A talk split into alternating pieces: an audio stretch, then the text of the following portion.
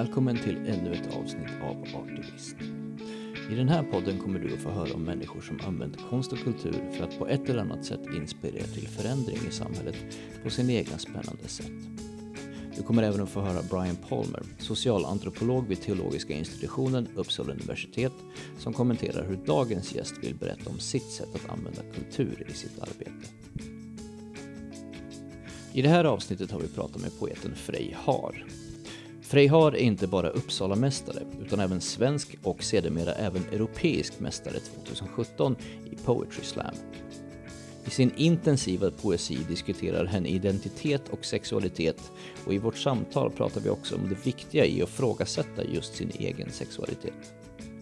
Vi diskuterar också bland annat hur Poetry Slam snabbt har växt från en liten rörelse till de stora scenerna och vad det har gjort med kulturen. Du lyssnar på Artivist och mitt namn är Fredrik Bergström. Och det här är vad Frej Har hade att säga idag. Hej, jag heter Frej Har och jag är spoken word-poet och eh, masterstudent när jag inte gör det helt enkelt. Det, den första förklaringen jag läste på din poesi var att någon hade sagt att orden som kommer ur henne är en vacklande naturkatastrof som aldrig saknar bredd. Vad innebär det? Uh, det är en bra fråga. Ja, den, just den biografin är uh, lite gammal tror jag. Eller ja, det är den väl kanske inte. Men, uh, men det har väl hänt saker sedan dess. Men ja, den kommer från att jag väldigt ofta eh, kanske då och fortfarande är ibland var väldigt intensiv på scen. Så att det fanns liksom inte riktigt någon plats för folk att kanske så här få landa i vad man sa utan det var bara så här verkligen så här känga på känga på känga och uh, inga, inga riktiga pauser. Liksom. Så att det var väldigt intensivt och uh, högljutt främst kanske på scen. Så. Jag kan tycka att din, dina läsningar är fortfarande ganska, uh, de är fortfarande ganska intensiva. Liksom. Ja, ja, men det är de definitivt. Alltså jag tänker inte så mycket när jag, när jag står på scen Uh, och, och liksom bara ska köra så. Um, jag fick den frågan senast idag faktiskt kring så här, hur kändes det när du gjorde det här? Och jag bara, jag har ingen aning för att det är som att min hjärna lite så här mm, mm, stänger mm. av när jag är på scen uh, samtidigt som den inte gör det för att det uppenbarligen också liksom är någon, uh, någon om det så är liksom en framtvingad emotionell respons eller var den kommer ifrån, det vet jag inte. Men så, så det är ju lite av en lögn att säga att jag, inte, så här, att jag, att jag stänger av helt. så. Men jag tror att det är en sån kort stund uh, som jag är på scen så att jag hinner liksom inte riktigt processa när man står där uppe utan det kommer sen. Uh, så Poetry Slam är alltså tävlingsformen för uh, spoken word, estradpoesi talat ord, vad man nu vill kalla det. Så. Kärt barn har liksom många namn. Men, eh, men Poetry Slam är just eh, själva tävlingsformen och då har varje poet eh, tre minuter på scen helt enkelt innan de, eh, innan de får tidsavdrag. Så att det finns liksom en, man har tre minuter och nio sekunder på sig eh, och från att man börjar prata tills att man slutar. Uh, och sen ska det också tilläggas då att det är ju uh, personer i publiken som då sätter de här poängen uh, som då är hela eh, ja, men, som gör själva placeringen för de olika poeterna. Sen är det som man vinner för att man får höga poäng. Men, mm. men jag, jag, tror, jag har nog inte tyckt att det varit stressande eller jo, på vissa sätt, men det har varit väldigt skönt för mig i alla fall när jag började att jag liksom hade den här, okej, okay, jag har den här tidslinjen på tre minuter och nio sekunder som jag liksom får fylla upp med någonting och sen kanske det kan vara bra att jag inte när jag övar hemma kanske landar på direkt så 3 och 9 för det kommer betyda att jag kommer dra över.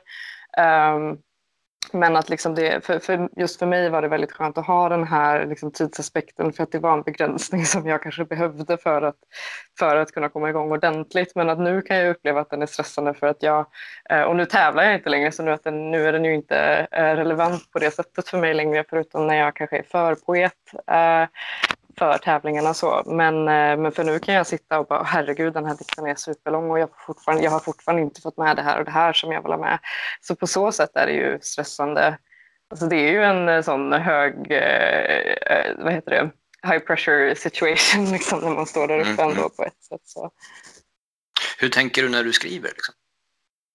Uh, ja, där vill jag också säga att jag inte tänker så mycket, men det, men det, det, det stämmer inte. Uh, jag, jag tänker jättemycket när jag skriver och det, det är väl det är därför jag skriver uh, egentligen. Var, var någonstans var, var börjar ditt intresse för, för poesi? Liksom? Poesi, ja, um, det började... Alltså jag läste en del poesi och prosa så när jag var yngre. så, men sen så hade jag en eh, vikarie i svenska som eh, då gav oss en uppgift i att vi skulle skriva poesi. Och så gjorde jag det och jag så här, la ner hela min, min, mitt hjärta och själ i det här. Och jag eh, fick jättedåligt betyg och hon tyckte att den var, hon hade inte alls förstått vad det här handlade om. Och eh, så, så det var en härlig förnedring där som gjorde att jag inte rörde poesin på, på flera år. Eh, så, fram tills jag började gymnasiet nu var det inte så många år däremellan, kanske med två, tre.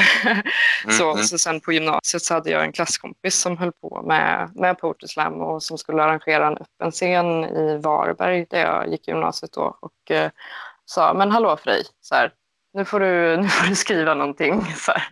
Och eh, ja, då gjorde jag det och eh, sen så tävlade jag från och med då tills att jag blev, eh, tills jag vann eh, Svenska mästerskapet. Liksom. Du är Europamästare förra också. året. Jag är Europamästare också. Ja, precis. Just det. Eh, men det, men den, eh, ja, det är klart att den räknas, men att det, då var det ju inte riktigt samma aktiva tävlande kanske, eller deltagande i Poetry Slam som det var fram tills att jag vann SM. Eh, så. Men, men det gjorde jag ju också, ska sägas. Ja. Jag tycker det känns lite som just hela rörelsen kring Poetry Slam, det är som en liten egen ska man säga, punkrockrörelse i sig. Ja, alltså det, eh, det är en väldigt rolig fråga. Um, för att man kan väl, det är väl många som kanske fortfarande vill säga att så här, Poetry Slam är så här, och spoken word uh, är liksom någon så här sorts typ underground-kultur. Typ.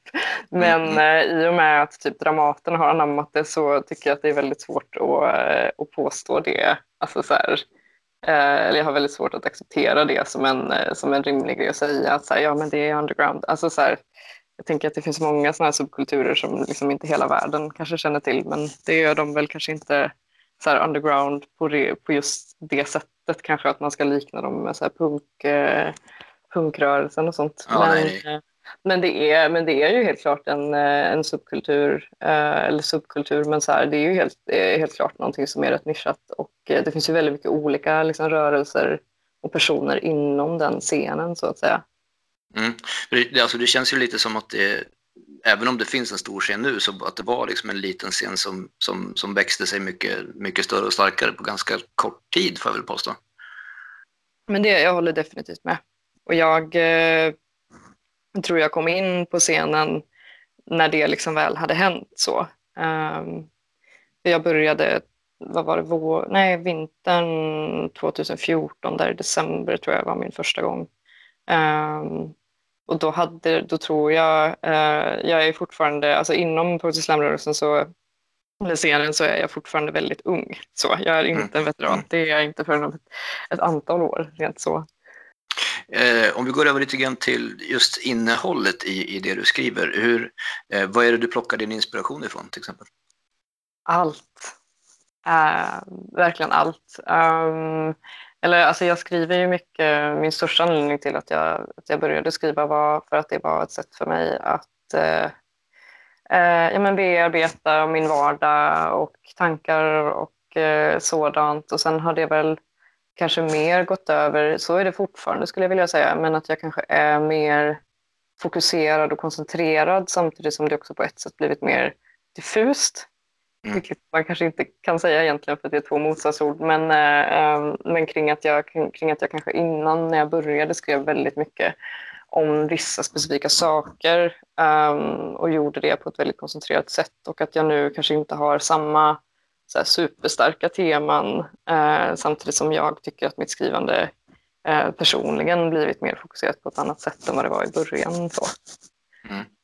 Det, jag känner lite att det, det jag lyssnade på från dina eh, Europamästerskapsdikter till exempel, så ja. är det lite ett gemensamt tema där tycker jag är lite att eh, dels våga ta plats, men också liksom att, att våga vara annorlunda. Vad, vad, är det som är så viktigt med, med det tycker du?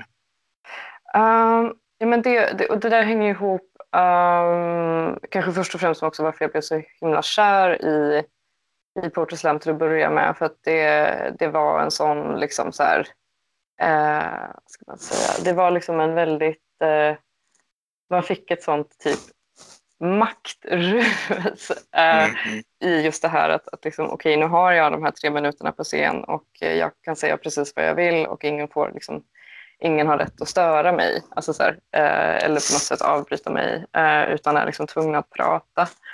Eh, rent så. Och det, eh, så för mig var det ju på, på det sättet var det definitivt om att, om att så här, våga ta plats. Eh, rent så kanske, um, vilket jag också kanske växt ifrån nu uh, sen dess faktiskt. Men, men, jag, tror, ja, men jag tror definitivt att det var, det var mycket kring just det här att så här, att, eh, ja, men, eh, att, att, att det fanns en, en sån liksom, eh, väluttryckt på det sättet att det fanns väldigt klara ramar kring liksom, att, så här, vad jag kunde göra eller så här, att jag hade den här rätten att kunna, kunna prata om saker och att jag då valde att, att kanske prata om saker som inte, eh, som inte syntes eller som kanske ofta suddas ut. Och det Eh, är ju också ett tema som man hittar väldigt ofta bland, eh, bland spoken word-poeter och kring folk som tävlar i poetry slam. Att, liksom, att man pratar om, eh, om perspektiv och erfarenheter som kanske inte riktigt lyfts upp i, i, i samhället annars. Mm. Så. Mm. Jag tänkte, för jag skulle komma in på det också, men det har ju väldigt mycket med att man sökande av identitet och där, där har du ju själv ganska mycket erfarenhet tänker jag. Ja, precis. Det, det, är ju inte, det petar jag väl fortfarande i, fast på ett helt annat sätt än vad jag kanske gjorde innan. Uh, jag fick väldigt mycket växtverk till slut, tror jag. Så, och att de texterna, alltså bara texterna som jag skrev för ett år sedan, är, uh, har jag kanske mycket växt ifrån. Mm. Faktiskt. Så, även om det liksom fortfarande är tematik som jag använder mig av så har jag kanske gått över till annat. Lite så. Eh, men sen är det också intressant för att jag menar, eh, det är ju så himla lätt att anta att saker är, är biografiska. Eh, särskilt när en person faktiskt står på en scen och liksom, verbalt uttrycker dem. Men samtidigt som det ju inte måste betyda att det här det här har med personens liv att göra. Nu gjorde det ju visserligen det i mitt fall, men att så här, ja. Eh, det, är, det, är, det är väldigt intressant att se hur, vad det är, särskilt när man har den chansen att kunna uh, arbeta så mycket med det just, just när personen har chansen att, att vara i det fysiska rummet. Liksom. Jag tänker om vi går över lite från, från poesin just till det där identitetssökandet. Hur, I din egen historia, hur kom du liksom på själv att och liksom börja ifrågasätta det här med identitet? Uh, ja, uh, det är ju en, en bra fråga. Uh, hur, hur, långt är ett snöre typ? Men, men jag tror, alltså jag hade väl också jag är uppväxt i en inte så jättestor stad och hade väl alltid varit annorlunda rent så, kanske man kan säga på olika sätt. Ehm, men jag, jag tror inte att det så mycket var för mig det här att, eller så här, jag tror att för mig var det mycket att, att jag liksom hade en inneboende känsla av att någonting skavde som inte gick, riktigt kanske gick att sätta fingret på. Eh, och sen så tack vare eh, informationssamhället vi lever i eh, så har man ju kunnat hitta ord för sånt och sen kanske man också växer ifrån vissa ord till slut eh, eller liksom kommer fram till, till andra saker i sin identitet senare fram. Liksom jag läste någon artikel om att du har pratat om att skolan just är en, en otrygg plats för, eh, för alla typer av identiteter.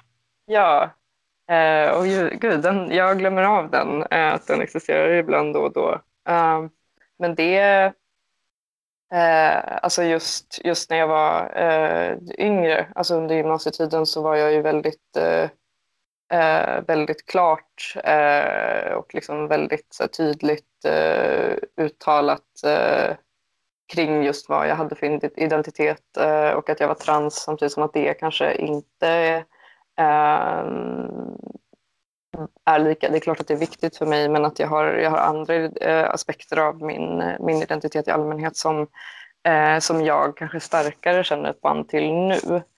Men att jag, eh, jag kanske också till slut med tiden hamnar i att så här, ja, ja, eh, jag orkar inte riktigt bry mig längre. Alltså, så här, Ja, typ. Eh, ja men precis och att jag, eh, eh, för att jag tänker att just när man, när man kommer ut som transperson som, alltså, som jag gjorde då så tror jag att jag hade väldigt mycket, hade liksom känslorna utanpå, utanpå skinnet och att, att man med tiden liksom insåg att så här, men det är inte hållbart att jag, eh, såklart det är inte hållbart att samhället eh, ska hålla på och vara förtryckande men att så här, man kanske till slut också får ta ansvar för sig själv och försöka hitta strategier som gör att man, att man inte mår lika dåligt eh, för att samhället kommer liksom inte ändra sig så pass fort, eh, rent så kanske.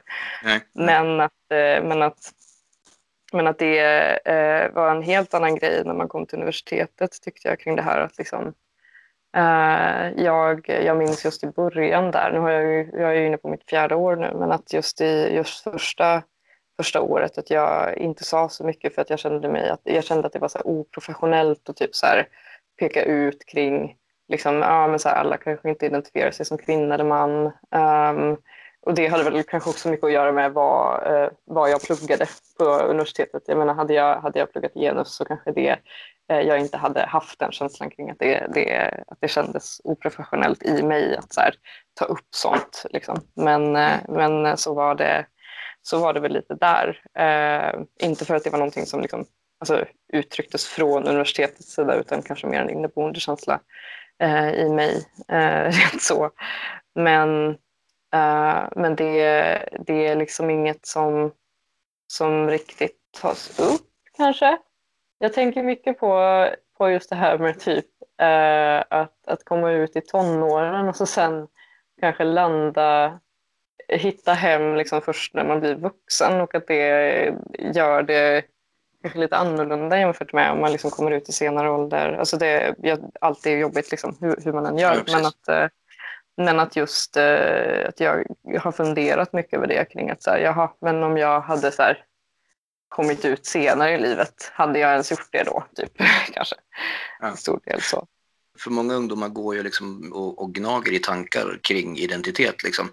Hur, hur viktigt tycker du att det är att, att jag menar eftersom du funderade på det i skolan också, hur viktigt tycker du att skolan diskuterar sådana här frågor? Jag tycker att det är jätteviktigt att skolan diskuterar sådana här frågor. Um, också för att även om internet finns, uh, vilket ju uh, är på både gott och ont, så är det fortfarande så att eh, folk kanske har föräldrar där, som gör att, inte, att man inte har möjligheten att leta upp den informationen. Och jag menar alla kanske inte har en dator eller har, har tillgång till internet. Och så. Um, men så jag, jag, tycker att det, det är viktigt att sånt tas upp i skolan. Um, definitivt. Uh, för att jag tror att skolan på, på just det sättet kanske jobbar, uh, eller jobbar mycket med uh, just det här att ta tag i fördomar.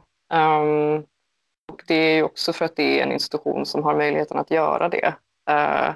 Alltså från liksom en, en högre nivå. Och det gäller ju också antirasistiskt arbete och feministiskt arbete. Um, att det, det behövs tror jag att skolorna, eller det behövs absolut att skolorna liksom arbetar mer med det här på ett, på ett mycket mer uh, uttryckt sätt och uttalat sätt än vad det, vad det kanske gjorts mm. tidigare.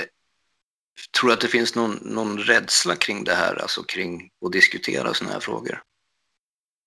Jag tror absolut att det finns en rädsla i det. Jag tror att det finns, um, och det är väl också någonting som jag eh, fortfarande kan uppleva, att, eh, att man är den här, jag har tänkt mycket på, på det personliga och hur det personliga speglas i politiken och, och, och, så, och så tvärtom och allt det här. Och att Um, alltså det, det, finns en obekvämhet även kring vuxna. Um, och jag pratar väl, uh, min vardag nu så pratar jag uh, kanske en procent transerfarenhet och 99 procent lesbisk identitet. Uh, mm. Och också bara där att det liksom finns ett, ett motstånd.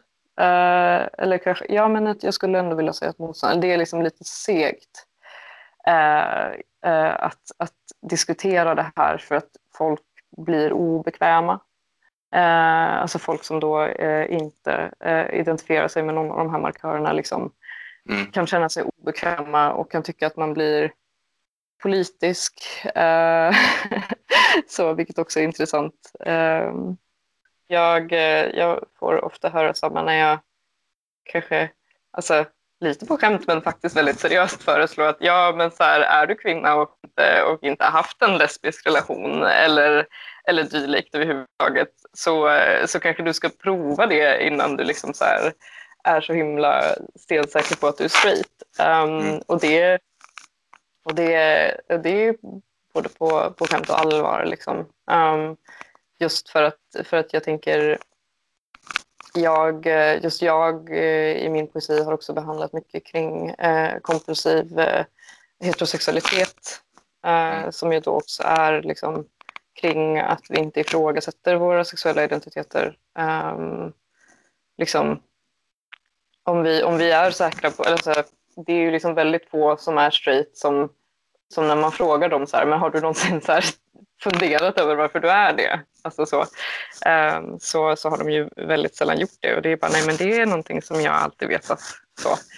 Um, och att där finns det samma kring att man så här, att det är, det, jag tror att jag på ett sätt, det här är också så himla farligt att säga, men jag har väl landat mycket i att så här, eh, att identiteten kanske inte är så jävla helig. Eh, eller så att den kanske tas lite för seriöst. Men det tror jag också eh, är väldigt lätt att, att misstolka eh, mm. i vissa kretsar. Eh, för det jag menar är, är ju liksom inte att, att när jag säger att identiteten inte är helig så menar jag absolut inte att folk ska börja felköna och inte respektera vad folk har för olika identiteter utan kanske mer att jag eh, har landat i det som en person som varit inom ett community väldigt länge. Att så här, ja, men, det blir lite den här liksom, till slut, eh, ja, men så här, orka ta saker så seriöst typ kanske. Mm. Um, rent så. Jag eh, eh, också som kulturarbetare när man har, har liksom blivit eh, fått lära sig att man ska ta betalt för arbetet man gör. Liksom, att, där, att jag, eh, särskilt när det är just det här att, att, att man blir som någon sorts eh, uppslagsbok när folk har frågor. Um, och ibland är de här frågorna väldigt uh, inte så rimliga frågor som man kanske inte ställer till folk uh, annars. Så. Uh, men också att jag, jag, jag känner bara att jag har gjort det här för mycket, jag har svarat på för mycket frågor. Vill du veta någonting så, eh, alltså så här, har, du, har du några frågor kring hur typ ert företag kan bli typ mer HBT-vänliga så kan ni så här, anställa mig som konsult för att det, det här är gratis arbete. Liksom.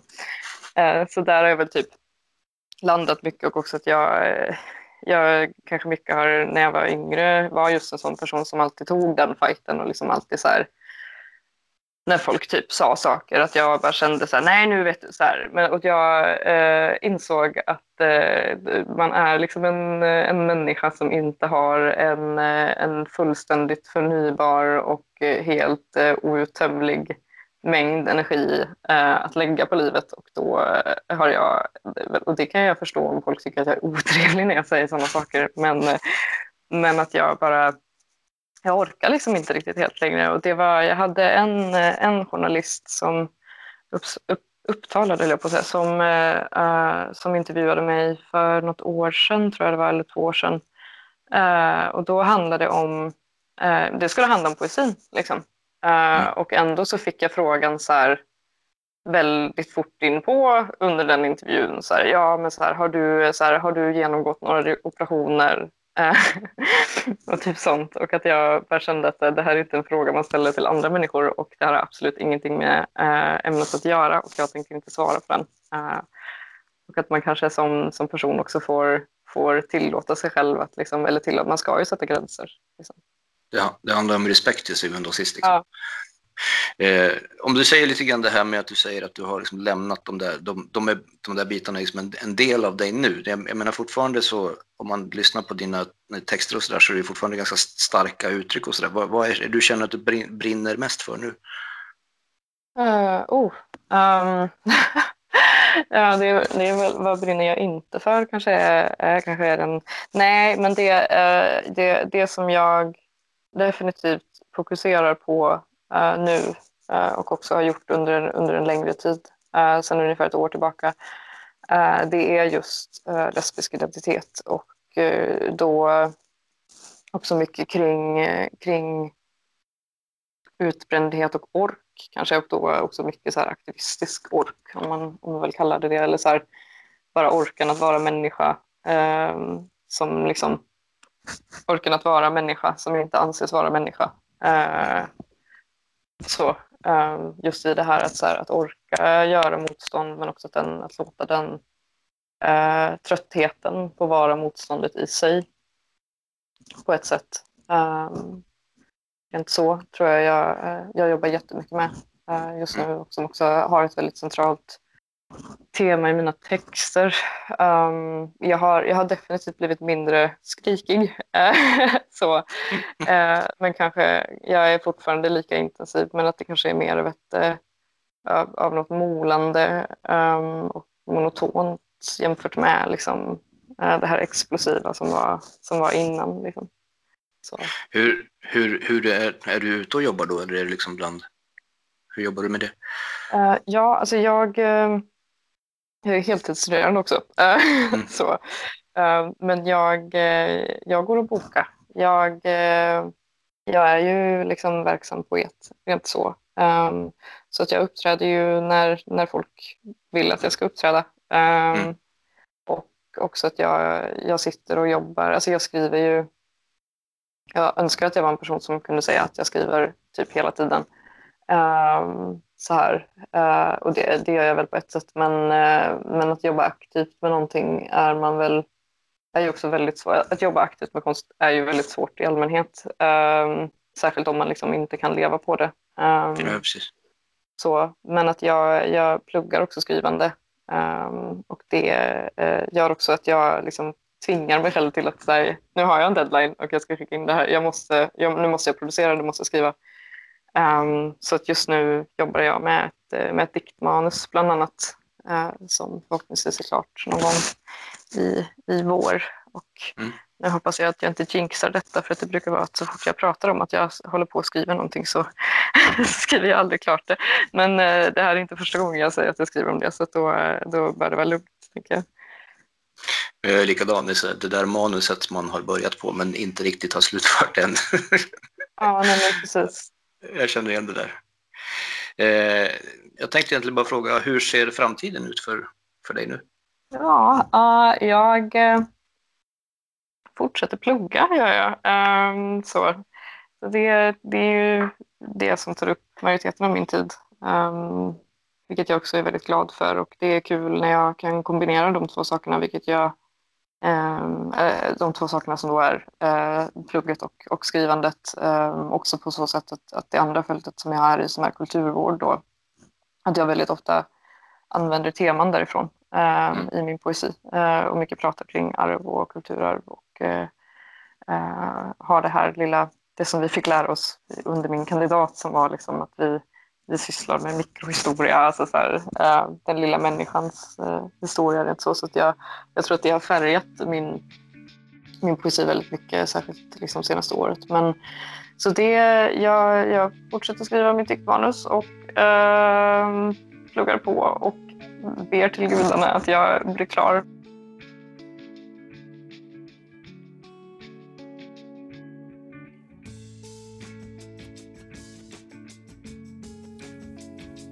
Brian Palmer är socialantropolog vid teologiska institutionen Uppsala universitet.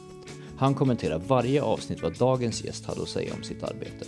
Och här är hans kommentar om vad Frej Har hade att säga idag.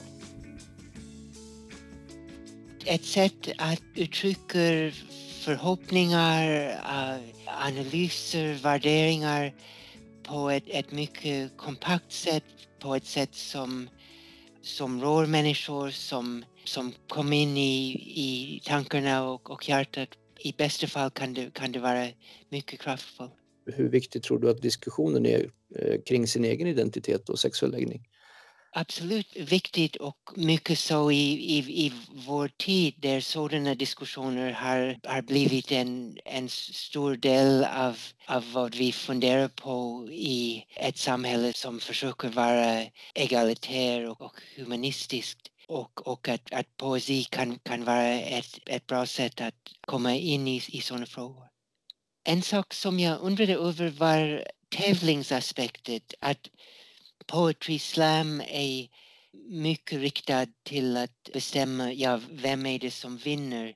Att det, det, det lät både mer aggressiv och mer kapitalistisk än, än jag skulle ha förväntat av, av någon med Frejas värderingar. Att det är på något sätt lite antihumanistiskt inslag gen, genom tävlingen i en konstform som på många andra sätt drar folk åt ett annat håll där det är inte viktigt att visa vem är, är bättre än vem, vem är vinnaren, vem är förloraren. Det finns begränsningar till aktivistisk ork, att vi blir trötta på våra um, motstånd. Och jag tänkte att dessa dis diskussioner om hur otroligt um, uttröttande det kan vara att, att vara aktivist, att vara i, i en rörelse, att, att kämpa, um, att dessa var viktiga, eh, viktiga frågor. Jag minns för mig själv när jag bodde i USA och, och var med i fredsrörelser och, och rörelser som ifrågasatt stora företags dominans i samhället. Att det var en, en känsla av trötthet för att vi alltid förlorade. Att det kändes som en riggad spel där aktivisterna nästan aldrig kunde vinna. När jag flyttade till Sverige var det en lättnad att progressiva krafter van ibland vi behöver träff, träffas ibland bara för att, att vila, att, att ha skoj, att, uh, att göra spex med varandra eller um, göra andra saker som inte, är, inte har mål att, att påverka samhällsdebatten men bara att uh, hålla oss själva uh, vid, uh, vid liv lite längre.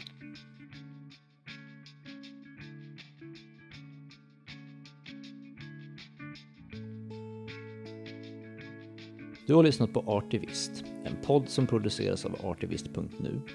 Ett projekt som drivs av Fredens hus i samarbete med Camino och finansieras av Allmänna arvsfonden.